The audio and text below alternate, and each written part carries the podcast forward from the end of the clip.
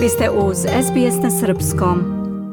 Slušate SBS radio na Srpskom, ja sam Biljana Ristić. Guvernerka Narodne banke Srbije Jovanka Tabaković je nedavno istakla da iako su se sada tri krize spojile u jednu, pandemija, energetska kriza i rat u Ukrajini, Srbija je uspela da održi relativnu stabilnost kursa dinara i dodala da je u martu mesecu na odbranu dinara, kako je rekla, potrošeno milijardu i 160 miliona evra.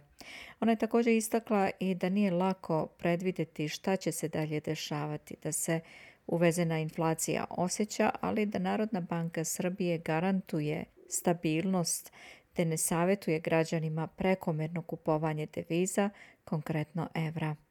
Sa druge strane, ekonomisti tvrde da je došao kraj periodu jeftinog novca, da bi euro umjesto 117,48 trebalo da vredi recimo 130, 150 pa čak i 170 dinara. U ovoj godini srpski dinar je prema evru imao najveću vrednost 18. januara, kada je zvanični srednji kurs bio 117,5783 dinara za evro. Kome odgovara, kome šteti jak dinar, kako se objašnjavaju upozorenja ekonomista da jaka nacionalna valuta slabi nacionalnu privredu, koliko dugo Srbija može da brani kurs i na čemu se temelji prognoza da je jakom dinaru istekao rok. O svemu tome u razgovoru sa Mijom Nikolić.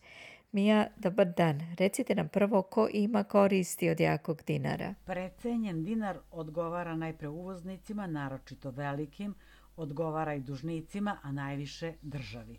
Prvi, kako godinama upozoravaju domaći stručnjaci, više zarađuju jeftino kupujući devize kojima plaćaju robu.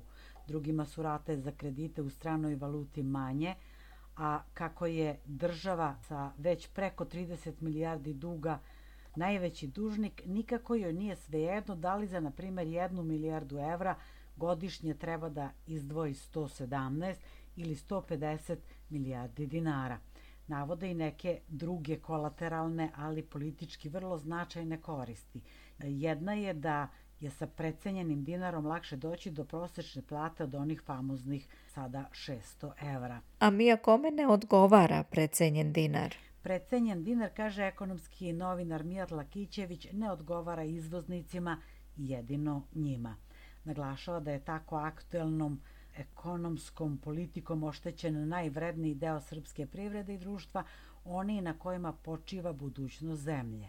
Ističe da su tako dugoročni interesi Srbije podređeni kratkoročnim interesima pojedinih grupa, slaba država popušta pod njihovim pritisima iz populističkih ili koruptivnih razloga. Ukazuje Arsić, koji još od 2012. upozorava da Narodna banka Srbije treba da vodi politiku blagog slabljenja kursa dinara, jer precenjena domaća valuta slabi potencijale privrednog rasta. Mija, upozorenje na precenjen dinar ne dolazi samo iz redova ekonomista, već i od malih privrednika. Konkretnije, Unija Čačak 2000 uputila je otvoreno pismo i vlasti i opoziciju, kazujući da je precenjen dinar jedna od glavnih prepreka za razvoj srednjih i malih biznisa, je li tako? Nebojša Tanacković iz Unije poslodavaca Srbije već dugo ukazuje da kurs dinara ne pogoduje našim izvoznicima, ali ni proizvođačima u Srbiji, jer je konkurencija sa ovako jeftinim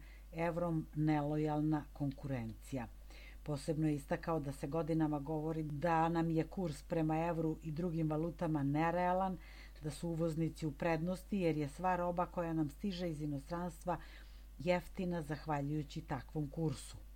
Sa druge strane, kada naši proizvođači žele da izvezu, to je neisplativo jer po ceni koja je ekonomska za svoj proizvod dobiju suviše malo dinara za koje treba da plate sve troškove navodi on. Mija, ekonomisti kritikuju precenjen dinar. Koje argumente u toj kritici iznose? Što se cene precenjenog kursa dinara tiče, veliki broj stručnjaka je saglasan da ona smanjuje likvidnost privrede i deluje recesiono, a kao dokaz za to navode deficit u trgovini sa svetom u dužem periodu.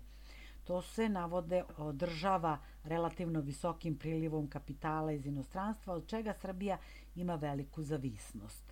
Posledice su da privreda postaje manje konkurentna kad se ta precenjenost poveća, što se upravo događa u Srbiji. Jer imamo visoku inflaciju, a stabilan kurs. Imaćemo i relativno veliki deficit koji je ranije finansiran zaduživanjem države i stranim kreditima, ali nije sigurno da će to uvek biti moguće. Ako tog novca iz inostranstva nema, troše se devizne rezerve. Kurs dinara Srbija može dugo da brani, ali precenjen kurs ne obezbeđuje rast privrede i smanjuje njenu likvidnost, kaže profesor Milojko Arsić.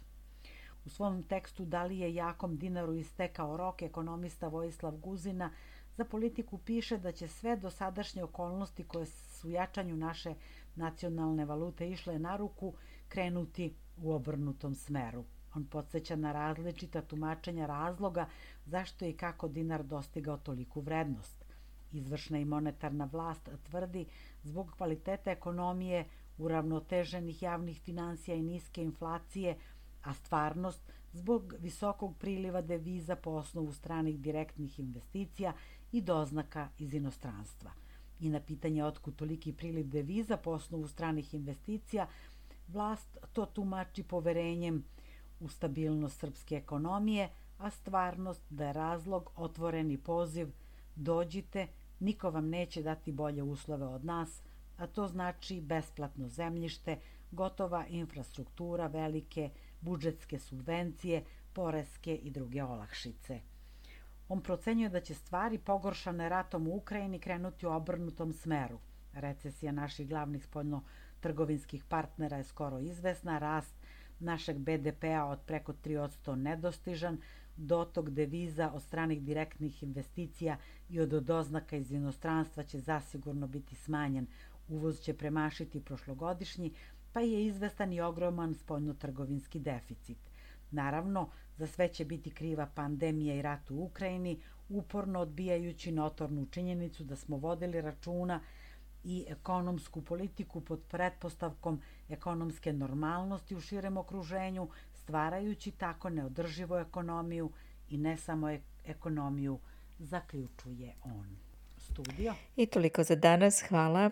Bila je to naša saradnica iz Srbije, Mija Nikolić. Slušate program na srpskom jeziku. Ja sam Biljana Ristić. Želite da čujete još priča poput ove? Slušajte nas na Apple Podcast, Google Podcast, Spotify ili odakle god slušate podcast.